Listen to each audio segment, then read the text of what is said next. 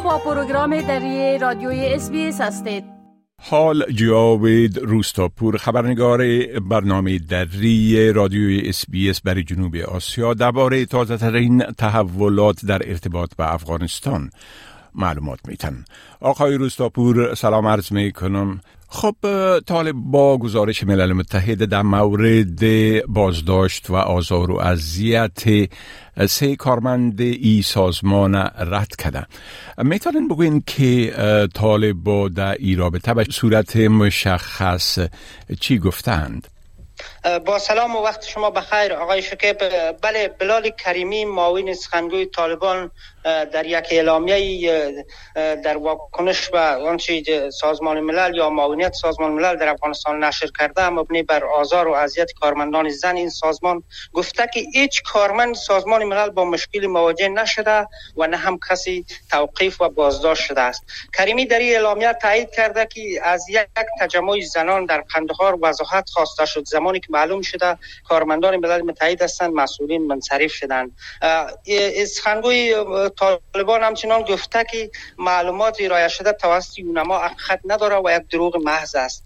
این در حال است که یونما تاکید کرده که آزار و اذیت کارمندان زن توسط طالبان به شکلی از اشکال در حال ظهور است. تنها این مورد نیست و گفته یونما در ولایات دیگر هم سازمان های مددرسان و شمول سازمان ملل کارمنداش مورد آزار و اذیت قرار می گیرند و این مسئله با گذشت هر روز به ویژه و گفته یونما از طرف ریاست های امر به معروف طالبا هر روز به این ابعاد تازه پیدا می شد از پوشش اسلامی گرفته تا موارد دیگه و حتی در ولایت تخار گفتن ریاست امر به معروف طالبا که یکی دو سازمانی مددرسان در این ولایت گفتن که شما پس از این چون کارمندای سازمان بیشتر زن هستند گفته که موترایتان را شیشه هایش را پرده سیاه بگیرد چون یا از مابین شهر تیر میشن و کارمندای شما زن هستند. این مسئله هم در شبکه اجتماعی به یکی دو روز گذشته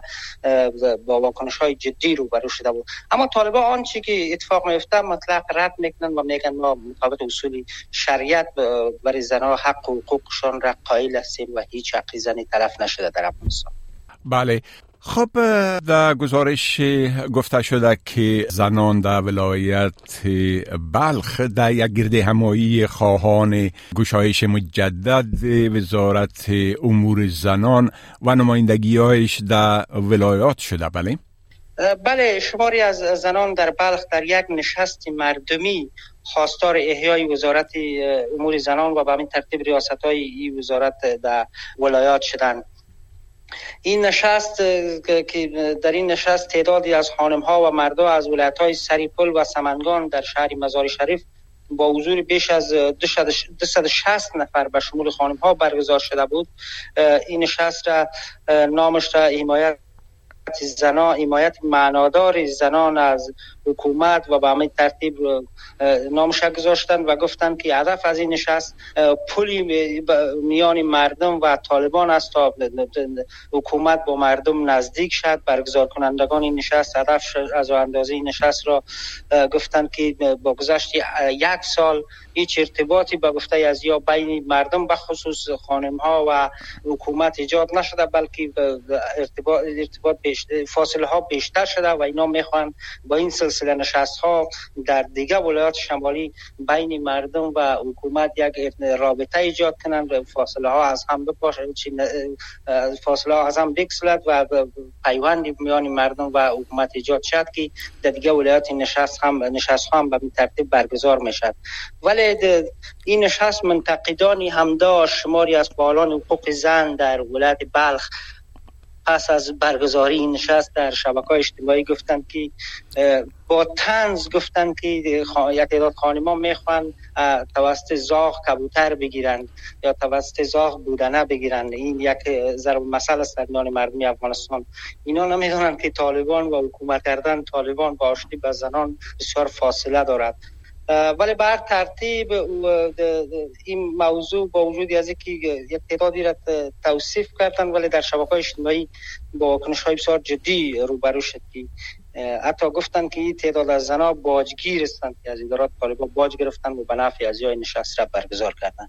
بله. خب همچنان شکایاتی در مورد بسته شدن یک پرورشگاه یتیما در قندهار تبارز کرده و گفته میشه که با بسته شدن ای پرورشگاه بیش از یک هزار طفل به سرنوشت شدن بله؟ بله گزارش ها از ولایت قندهار راکی از آن است که با بسته شدن پرورشگاه شیخ زاهید در این ولایت بیشتر از یک هزار و یکصد طفل اکثرا طفل یتیم بودند و اینجا آموزش می‌دیدن یا به سرنوشت خواهند شد. مصارف پرورشگاه از سوی یک مؤسسه عربی در گذشته تمویل می‌شد و در آن کودکان بی سرپرست هر ساله به ای پرورشگاه جذب می شدن رسانه های محلی قندار به نقل از کارمندان پرورشگاه گزارش کردند که فعالیت پرورشگاه به دلیل کمبودی بودجه متوقف شده و به تعداد 97 نفر از کارمندان پرورشگاه پیکار شدن و از این میان 97 نفر 45 نفر از یا معلمین پرورشگاه بودند با گفته منابع از منابعی که در پرورشگاه کار می‌کردن این پرورشگاه کودکان یتیم را از ده ولایت جمعآوری می‌کرده و سالانه بیشتر از 350 کودک را جذب می‌کرده که طی چند سال گذشته نزدیک به 1200 کودک در این پرورشگاه عمدتا آموزش می‌دیدن و بیشتری کودکان یتیم بودن یا شب هم اینجا بودن ولی حالا که پرورشگاه بسته شده از اداره طالبا خواستن که پرورشگاه را دوباره ریاست امور اجتماعی که مربوط وزارت کار امور اجتماعی میشه. این پرورشگاه را تمویل کنه ولی اداره مالی طالبا گفته که هیچ بودجه ای نداره. و از دو روز به سو حتی یک منبع گفته که یکی دو تجار در بلخ نان جمع نان پخته می‌کنن تا این کودکا گشنه نمانن این که سرنوشتشان چی میشه؟ مشخص نیست ولی پرورشگاه هیچ بودجه ای ندارد دو روز که نان شبی از یک تجار می‌دهد که گشنه نمانند. بله خب بسیار تشکر آقای روستاپور از این معلوماتتان و فعلا شما را به خدا میسپارم و روز خوش برتان آرزو می‌کنم. وقت شما هم خوش خدا حافظ ناصرتان. بپسندید شریک سازید و نظر دهید. اسپیس دری را در فیسبوک تعقیب کنید.